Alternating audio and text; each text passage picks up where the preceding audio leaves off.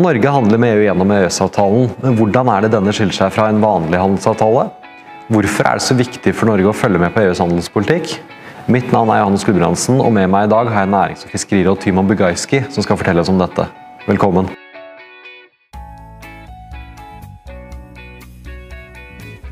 Eh, En handelsavtale det er um, en avtale mellom to eller flere land om å gi hverandre bedre vilkår for handel. Eh, og det som er litt greia med handelsavtaler, det er at eh, man har jo det som heter Verdens handelsorganisasjon. Som ehm, Der de aller fleste eh, land i verden er, er med.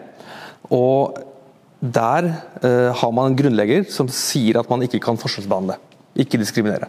Det vil si at hvis jeg vil eh, Hvis jeg er et land, da, og du er et annet land, og jeg vil eh, av en eller annen grunn behandle deg bedre. La oss si at eh, du vil eksportere eh, mango til meg, da. Og så sier jeg ja, men jeg vil jo eksportere fisk til deg, og så kan vi bli enige om noe greier der. Det er i prinsippet noe som ikke er lov under, en, under da regler i Verdens handelsorganisasjon. Og det, eh, Så kan du spørre hvordan passer dette sammen med disse handelsavtalene. Og Greia er at i, eh, i WTO da, så har du lov, dersom du lager en avtale, en formell avtale som omfatter all handelen mellom oss, så har vi lov til å forhandle frem da, eller eh, avtalefeste mellom oss. eh, bedre vilkår for hverandre. Men hva er liksom arkitekturen i en sånn avtale, hvordan ser det ut da?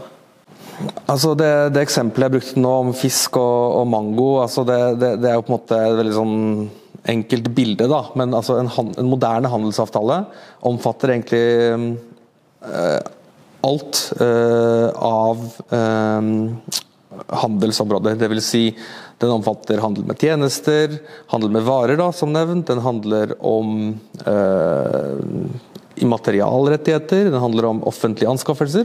Så du har, eh, når det gjelder handel, et veldig bred, bredt dekningsfelt. Eh, og eh, det som kanskje er greit å få med seg, er at på alle disse områdene så avtaler man egentlig hvorvidt jeg i fremtiden kan behandle deg dårligere. Hvorvidt jeg kan forverre behandlingen av eh, aktører, da, eller eh, eh, eksportører fra, fra, ditt land. Fordi ethvert et land har jo en viss frihet til å diskriminere næringsliv fra et annet land. Og Gjennom en handelsavtale så innskrenker du den muligheten, egentlig. Slik at du øh, forplikter deg til å i fremtiden også behandle andre på samme måten som du gjør i dag. Da. Og Det er kanskje viktig å, huske på da, når du snakker om handelsavtaler, at det, det, er egentlig regler om regler. Altså hvilke regler kan du lage i fremtiden. Um, så det, det, det, er på en måte grunnlaget for å gi en handelsavtale. I tillegg så har du da uh, kapitler, ett eller flere, som handler om bærekraftig utvikling. Og Det er et element som har blitt viktigere og viktigere i handelsavtaler. Du har uh, bestemmelser om klima og miljø, og du har bestemmelser om uh, arbeidstakerrettigheter. Da handler det om å på en måte nedfelle i disse avtalene, som i prinsippet handler om handel. Og nedfelle da enighet om felles prinsipper og internasjonale avtaler som begge parter er med i, og vi bekrefter i vår handelsavtale at vi skal fortsette å støtte opp under disse, disse avtalene. Til slutt, kanskje viktig å ha med seg, enhver handelsavtale inneholder regler for hva som skjer hvis en av partene bryter avtalen. Det som kalles for tvisteløsning. Og Det er klart at det er jo veldig viktig. da, at Hva skjer hvis jeg mener at du ikke oppfyller din side av avtalen? Og hvordan går vi videre da med et dommerpanel eller lignende for å løse, løse den uenigheten? Og ikke minst, hva skjer, hva slags sanksjoner kan jeg innføre dersom, dersom man finner at en av partene er i brudd på avtalen? Men det er jo litt sånn om, men, hvis vi går til noen konkrete eksempler. Hva er f.eks. For, for Norge eh, våre viktigste handelsavtaler? Altså, For Norges del da, så er det jo slik at det uten tvil er EØS-avtalen som er den viktigste handelsavtalen. Den regulerer all vår handel med EU, og EU er vår viktigste handelspartner uten, uten sammenligning. Jeg tror noe sånt som to tredjedeler av vår eksport går til EU. Så det er jo ingen andre avtaler som kan sammenlignes, egentlig, eh, når det gjelder hvor mye handel de, eh, de regulerer. Nå er jo EØS veldig mye mer også enn bare dette, men det må sies at EØS-avtalen er jo svært viktig og en veldig spesiell avtale. Um, og, og, Det er jo også tilfellet etter Storbritannias uttreden fra EU. Eh, når det er sagt, da, så, så, er det jo viktig å nevne at vi nå forhandler en avtale med Storbritannia. Eh, og den vil jo også altså Som enkeltland så er jo Storbritannia en av våre aller viktigste eh, handelspartnere. Så den avtalen som, uh, som, skal på plass der, den vil også være veldig viktig for oss som, som handelsavtale. Til slutt, i en helt annen liga, kan du si, da, men, men dog, vi, vi forhandler også en avtale med Kina nå. Og, og selv om handelen med Kina per i dag ikke er Kan ikke sammenlignes med, med Storbritannia. ikke sant? Så, så, er jo Kina i seg selv en enorm og raskt voksende handelspartner. Så, så på sikt vil også den kunne være en svært viktig, svært viktig avtale. Hva er det som er forskjellen når Norge da f.eks. For forhandler en ny handelsavtale med, med, Kina eller med Storbritannia og eh, EØS-avtalen, som du snakker om er den største per i dag? Eh, altså Den eh, viktigste forskjellen det er at EØS-avtalen den integrerer oss i EUs det som kalles EUs indre marked. Og hva betyr det? Jo, det betyr at f.eks. for, for eh, handel med varer, da, så, det, så har vi det som man kaller for fritt varebytte i hele EØS-området. Dvs. Si EU pluss de tre EFTA-EØS-landene. Um, og Hva innebærer det i praksis? Det, jo, det betyr at vi til enhver tid har sikret at vi har like regler for alt som gjelder varehandel. Uh, slik at en vare vil uh, uansett kunne passere fritt over de grensene. Uh, og det Måten man får til det på, da, det er jo såkalt dynamisk tilpasning. Eh, av regelverk. Det vil si at eh, Norge overtar EØS-relevant eh, e regelverk, EU-regelverk. Det, tas inn i norsk lov, så man til enhver tid vet at det er de samme reglene som gjelder. Det det til forskjell fra en handelsavtale, hvor en handelsavtale den, er jo veldig statisk av prinsipp. Den kan selvfølgelig oppdateres etter behov, hvis man ser noen endringsbehov. Men, men altså, en handelsavtale litt, det, litt tilbake til det jeg snakka om i stad. at uh, den handler om regler for regler. Du binder deg til hvordan du i fremtiden ikke skal utvikle eget regelverk. Uh, mens EØS i prinsippet gir kontinuerlig oppdatering av, av, med nye elementer som tas inn i avtalen og blir norsk lov. Så Det er en grunnleggende forskjell.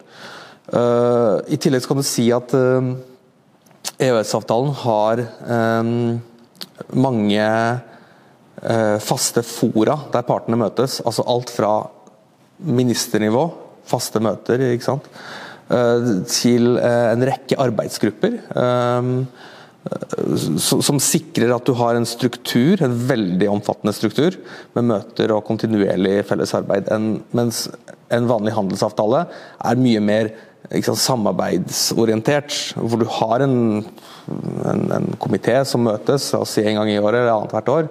Men, eh, men, eh, men, gir ikke den samme politiske integrasjonen, da, for det er jo det som er litt av, et av målene med, med EØS-avtalen. Så jeg vil jo si at uh, selv om EØS kan i, i aller høyeste grad er en handelsavtale, så fungerer den etter helt andre prinsipper enn andre handelsavtaler tilbake til Norge. Hvordan ville Norges handel sett ut eh, uten de handelsavtalene Norge har?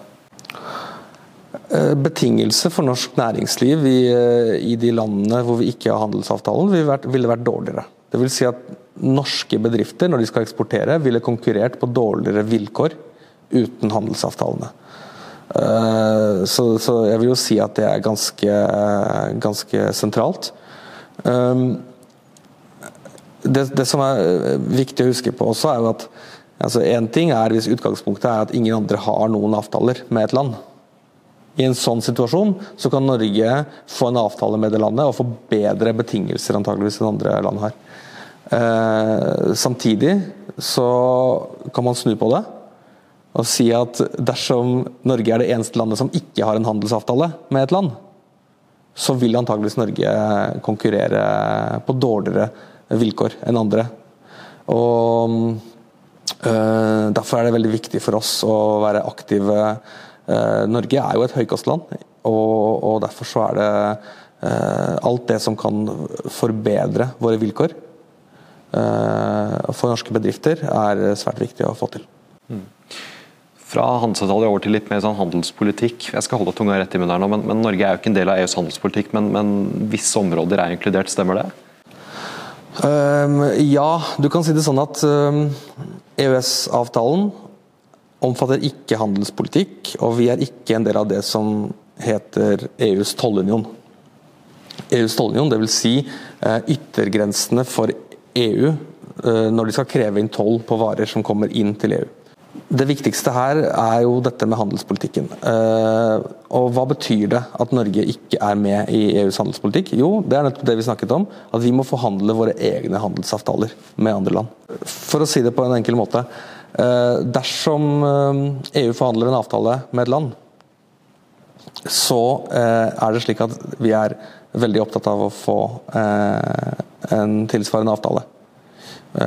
De viktigste konkurrentene til norske bedrifter er ofte i EU. Så dersom EU får en avtale som gir deres bedrifter bedre vilkår, så er det veldig ugunstig for Norge å stille i en annen liga.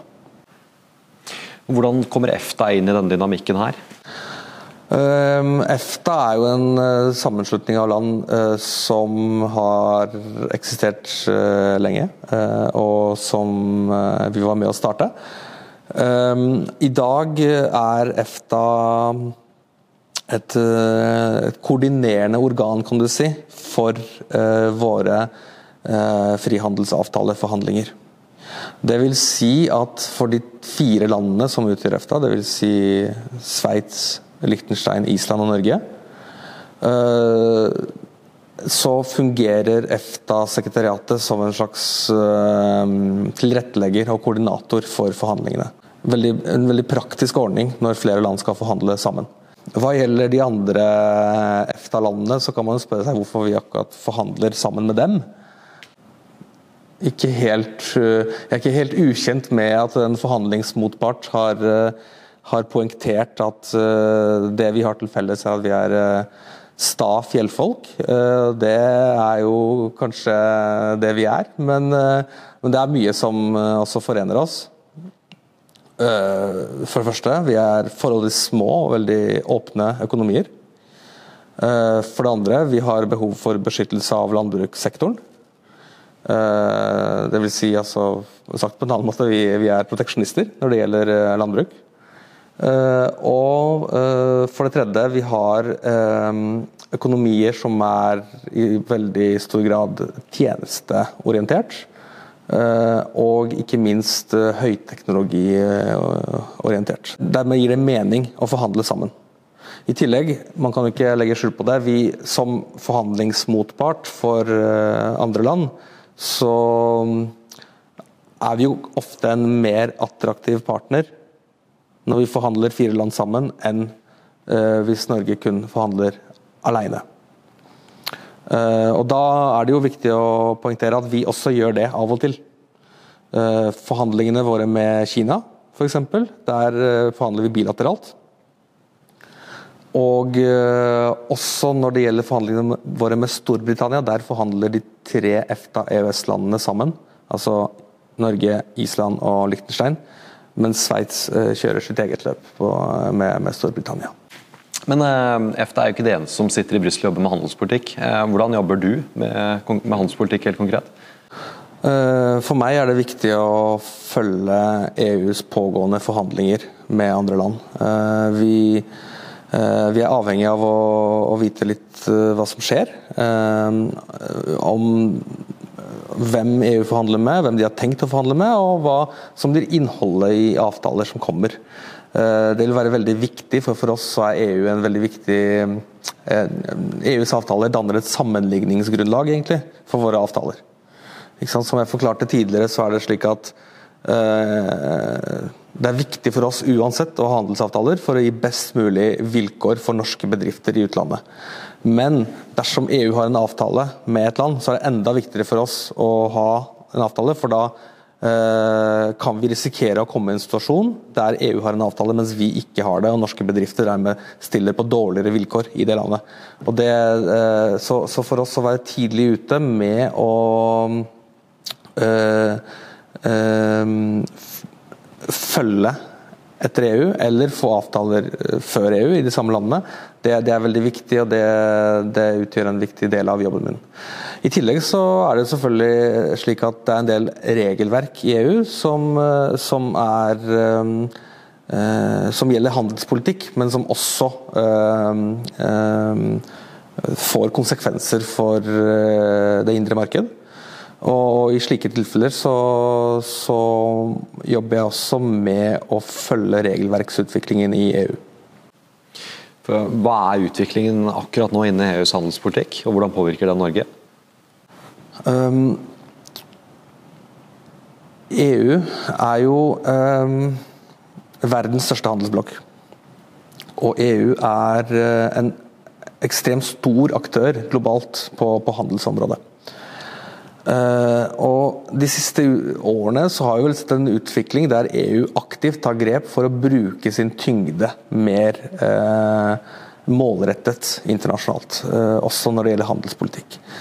Og Det er um, en utvikling hvor um, som går i retning av at EU vil bli mer selvhevdende, egentlig, handelspolitisk. Um, I tillegg, så, som en del av denne utvikling, så, så, så, har EU lansert målet om en såkalt åpen strategisk autonomi. Um, som også skal oppnås gjennom handelspolitikk.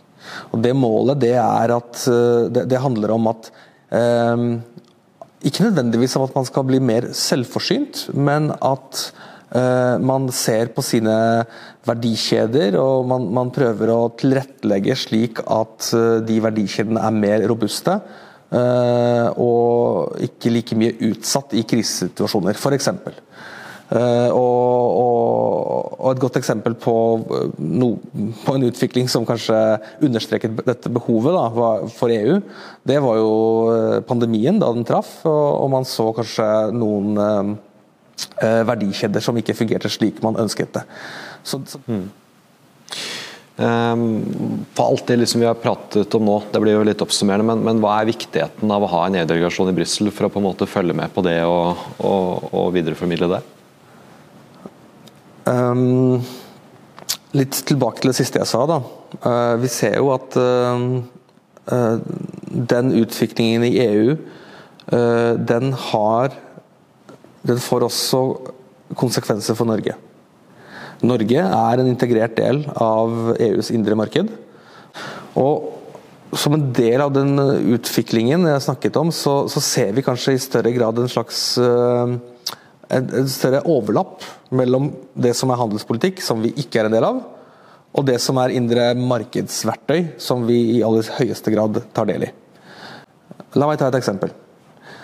Uh, eh, EU har lansert planer om å utvikle helt nytt regelverk som skal hindre urettmessig bruk av subsidier på det indre marked. Det vil si, vanligvis har du en um,